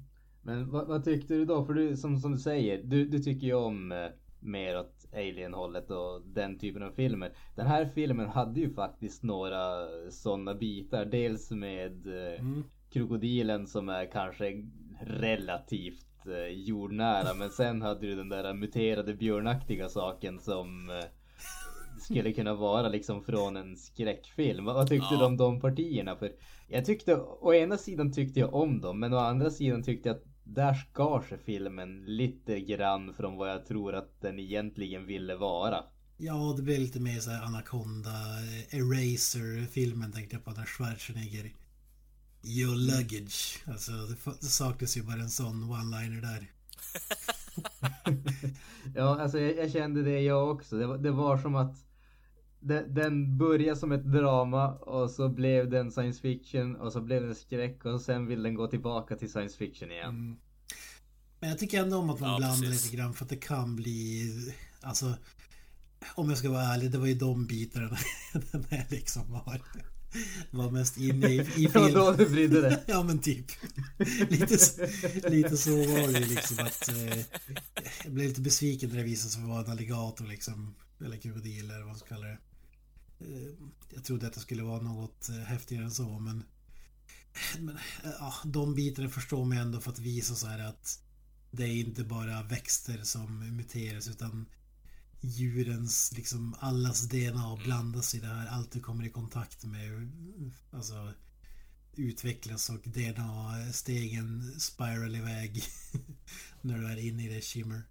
Samma med ja. björnen där liksom att han hade liksom käkat upp henne och då fick han hennes uh, stämband ungefär eller vad man kallar det. Alltså, snott från ja, Predator. Fast det, det, tyckte, det tyckte jag ändå var en Ja, men alltså det, jag tycker ändå att det är en frän scen för alltså det, det är fucking horrifying egentligen att se en skelettbjörn som typ helt genomblodig och sen öppnar munnen och så behöver man en vanlig människa skrika liksom. Det, det är lite skräckinjagande faktiskt på, sätt, på det sättet. Jag tyckte det var imponerande tycker, faktiskt. Men jag tycker verkligen inte... Björnscenen är bland det svagaste i filmen enligt mig. Eh, jag uppskattar alligatorn mer. Ja, för, tyck, för det första tyckte jag inte att CGI ja, jag tyckte den var fränare on point. Och eh, vi har sett det här tidigare i Akakabuto, Silverfang-filmerna till exempel, gjorts mycket bättre. Yes. Alltså det, det, det var, vad heter det, alltså jag, jag, jag satt fan och tänkte när, när, eh, när vad heter när hon blir tagen av björnen där med en gång. Alltså jävlar jag tänkte bara holy shit Akabuto. Ja, alltså jag hade hellre sett live action Silverfang. Än det här liksom. Ja men alltså det, det, hade ju varit drömfilmen för mig. Nu, nu ska vi inte liksom gå in på de grejerna. Det hade ju slagit ut vad som helst i stort sett. Off the rails. Ja. Nej men vi, tar, vi kan ju hoppa till, vi hoppar till slutet. Man, eh, hur ska man förklara det här? Mm. När de kommer till fyren där som De kommer till filmen fyren. i princip handlar om. Jag, jag, jag hängde inte riktigt med varför just den här fyren var så intressant. Annat än att den var väldigt utkantad eller någonting. Det, var ju det var ju typ- där du ser ju Ja, det var ju Ja, Ground precis. Zero. Du ser ju i början när du kommer en sån där liten kometaktig grej och liksom slår ner. Det är ju i fyren. Så att det, det är som man säger, det är ju Ground Zero. Det är ju där allting börjar. Det är liksom centerpunkten om man säger så. Mm. Så att jag, tror, jag, tror, jag tror inte att fyren i sig har liksom någon vikt. Det är bara att det var där det hände. Det var därifrån allting kom. Ja. Det är lite oväntat flummigt får man säga. Där får man ju veta då att Oscar Isaac var ju liksom... Det finns en underjordisk gång där kan man kalla det. Som... Ja, jag vet inte vad man ska kalla det med ord egentligen att det är men... En, eh, det som har klivit ut i yttre rymden ungefär. Alla... Eh, allt du vet om mänsklighet och eh, vetenskap och så vidare suddas ut. Det är liksom alien... Alien Cave där allting kan hända. Och där spånar då en ny Oscar Isaac så det finns två stycken. Eh, Ja, enkelt förklarat. Jag vet inte hur man ska förklara annars. Och då får man veta att den riktiga Oscar, de- Oscar Isaac tar livet av sig. Eh, Och den som har kommit tillbaka till Natalie Portman tidigare i filmen är den här klonen då, eller vad man ska kalla den. Alien-klonen. Eh, Och när Ja. Natalie Portman råkar ut för samma sak blir två av henne. Hon lämnar över en flashbang eller vad fosforgranat eller vad det var. Som, som Ja. tydligen eh, Ja. ja, eventuellt tar koll på de här eh, varelserna, eller vad man ska kalla det. Men när hon återförenas då med Oscar Isaac-klonen man, man förstår det som att det är riktiga Natalie Portman som kommer ut. Men hennes ögon ser likadana ut som den här klonögonen. Var det någon som re- reflekterade över det eller? Mm. Ja. tror det här är väl finns väl inget riktigt svar för det här precis som med Deckard i Blade Runner men tror ni att det var den riktiga Natalie Portman som kom ut eller tror ni att det var en klon klonen som tog sig ut? Alltså, alltså personligen så känner jag att hon, hon nämner ju flera gånger att hon har ju typ, det har hänt något konstigt med hennes blod så hon har ju blivit förändrad på något sätt. Så det är ju inte samma människa som har gått in som kommer ut men eftersom att det är hennes klon som förändrar sig och håller i granaten och går ut så är det ju, ja, jag skulle säga att ja det är hon. Men hon har ju blivit förändrad på något sätt i och med det här att hon precis Det- som det är som- alligatorn där har liksom hennes DNA har blandats med Ja. någonting. Mm. Exakt, Ja. exakt. Det var lite grann den biten som jag störde mig på faktiskt. Och det var ju just det där att hon uppenbarligen har förändrats och kommer ut och det är liksom Hon är en annan person men det är samma om man säger fysiska varelse. Och det kändes som att Ja. vad var poängen med klonen om man ska kalla det en klon? När det kommer till eh, Oscar Isaacs karaktär. Liksom han tar livet av sig och det kommer en annan person ut i vida världen. Va- varför Liksom, var, varför var det tvunget att hända? Varför kunde inte han också vara liksom samma person men som har förändrats? Det, det tänker, för man får ju se just den där scenen där eh, han skär upp magen på en av hans eh, kompisar och ser att liksom hans inälvor har liksom förändrats och rör på sig. Det liksom verkar vara en, en utomjordisk livsform som lever i han ungefär. Varför Det, liksom, vad var poängen med klonen om man säger så? När den ändå förändrar deras DNA och ändå verkar ta över liksom deras, eh, deras kropp på samma sätt om man säger så. Det är liksom som sagt Oscar Isaac är en helt ny varelse. Natalie Portman är samma varelse men är förändrad. Men i slutet så verkar, det vara, verkar de vara liksom två av samma om man säger så. Som jag, Väldigt som, som jag såg det här med klonen så var det liksom tänkte mina egna spekulationer här att när Oscar Isaac-klonen går ut och håller på att dö liksom så är det liksom ett test att klar, överlever den här klonen utanför The Shimmer. Och svaret är typ nej. Han, han måste tillbaka till, till det här området. Visst min- minns jag rätt då eller? Han var väl i närheten av The Shimmer där de kom ut i alla fall. Ja, fast han, han alltså tillfrisknar ju när shimmeret har försvunnit i Mm. Det är slutet det jag också, så menar. jag vet inte och riktigt. min tolkning är att The Shimmer försvinner inte utan The Shimmer täcker nu hela jorden. Är du med? Och, och därför kan de röra sig fritt. ja. Så, så tolkar jag det i alla fall, men jag vet inte. Fast det, det, det, det säger de ju också, vad heter det, i, eh, i filmen. Jag, jag tror att det där fallerar din idé. Därför att de säger att The Shimmer är ju konstant expanderande. Men han har liksom varit eh, borta ett år och det har liksom blivit en aning större om man säger så. Hon säger, de säger väl den där karaktären som har varit borta i, jag kommer inte ihåg om det var fyra veckor eller fyra månader eller vad det nu var. Som hon var där inne. Så att liksom och om det inte är så att det där Shimmer har liksom vuxit extremt snabbt helt plötsligt så fallerar din teori där. Det, det är konstant expanderande men inte så fort så att de är fortfarande utanför The Shimmer. Men jag tänker att den här flashgranaten liksom satte igång något när, när de kommer fram till fyren där, går ner, evolvar där, att någonting hände. Nej, jag vet inte. Jag, jag förstår inte varför flashgranaten skulle, för det har ju hänt två gånger i så fall. Mm. Jag förstår inte varför det skulle påverka den andra gången men inte den första i så fall. Ja, men är det någonting i den filmen som maker eh, sense? Alltså, jag vet. Ja, Det- alltså, det- det, skillnad- det, skillnaden det, det är det här som skillnaden- är poängen med skillnaden film, är ju- spekulera. Skillnaden är ju den första flashbangen. Då är det ju bara en vanlig människa som sprängs. Eller grillas eller så kallat. Andra gången då är det ju en klon. Tror vi i alla fall. Ja. Mm. Ja, det är det. Ja, alltså Det det, är inte exakt alltså om vi ska säga det så kan du ju få någon form av... eh, Nej, jag tänker mig att eh, eventuellt kan väl typ fosforen göra någonting för att utveckla den här varelsen. För den här varelsen suger upp och eh, alltså replikerar Natalie Portmans karaktär. Så det, det är inte omöjligt, men det, det är väldigt up in the air som allt annat i den här filmen. Så. Jag, vet inte, det känns som att vi är för dumma för att spekulera på ett bra sätt. Ja men fosfor är kväve. Eller liknande. Eller?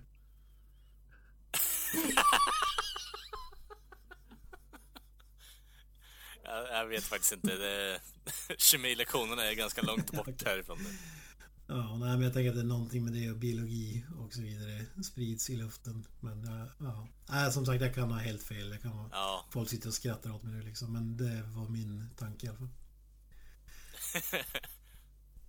klarar du inte en-lektionen? Jag Fosfor. googlar. Fosfor Är i form av fosfater är liksom... tillhörande kvävegruppen. Fy fasiken. Jajamän. Kolsyre, väte och kväve. Nödvändig grundande för levande organismer. BAM! Yes. Tack för den eh, Göte Jonsson. Oj, oj, oj. Eh, På mellanstadiet där. Eh, eh, eh, Jag skulle nog vilja säga hellre tack till Google för att du har gjort sökning och in information så lättillgängligt nu istället så man kan vara dum och komma på saker på en sekund istället. Är, är det så mycket mer att spekulera om? Ska vi ta och knyta ihop den här vägen? Knyt ihop det. Jag tycker inte att den är värd att Ja, prata ja, vi kan knyta ihop den. Ja, men jag blir som så här, alltså vissa saker Lägg bara ut, alltså precis som det här i Blade Runner Ni håller inte med mig där men Är Deckard en replikant eller är en människa i original Blade Runner alltså Och det har ju ingen betydelse för filmen och därför stör det mig varför inte bara säga det Alltså det förändrar ju ingenting Men ändå ska det vara liksom öppet för att det ska vara så här patetiskt att det ska vara smartare än den vä- är liksom. Ja. Alltså, kort grej där. På, på inget tillf- alltså, tillfälle i mitt liv har jag någonsin sagt att ja men vi ska nog hålla det ambiguous nog och uh, tänka på, är, ett rep- är uh, Deckard en replikant? Alltså, han är ingen replikant. Punkt slut. Det, Ridley Scott är dum i Ridley Scott bara. var en replikant i första versionen. Eller? Ja, men Ripley, ja, Ridley Scott är en replikant. Han vet ju inte var, vart han är. Han är ju skapad av något jävla... Jag vet inte vad. Ingen Nej, pleasure bot i alla fall. sånt som bara är så onödigt. Att det är up in the air. Alltså, filmen tjänar liksom inte. Och då känns det Mm. bara så att man försöker konstruera någon slags intelligensskimmer för att dra parallell till den här filmen. Ja. Badumtsch. Alltså det blir bara bättre och bättre. 70 avsnitt har man lär sig ingenting. Men hur som helst då gott folk. Ni har ju då lyssnat på avsnitt nummer 70 av Creative Meltdown Podcast. Ni hittar ju då som sagt oss på sociala medier som Facebook, Twitter, Instagram och Youtube. Allt ni behöver göra då är att söka oss på, ja, Creative Melta Podcast så ploppar vi upp där. Eh, ni kan även mejla oss på Facebook-länken där. Bara trycka på skicka mejl nu så kommer det upp ett checkt formulär så skickar ni vad fan ni vill åt oss. Eh, vi har ju även då en eh, liten hemsida som vi lägger upp, ja, ska man säga strö recensioner på till och från också. Det heter ju då den createmelt.wordpress.com Eh, ja, bara slå in en koll där någon gång så kommer det upp content så småningom. Eh, sen har vi även en YouTube-kanal också om jag inte sa det. Och en, eh, ja, vi kör lite på Spotify också. Bara söka på Creative Meltdown Podcast på de två också. Men ja, vi hörs ju nästa vecka så får ni ha riktigt jävla bra. That's it, man. Game over, man. It's game over.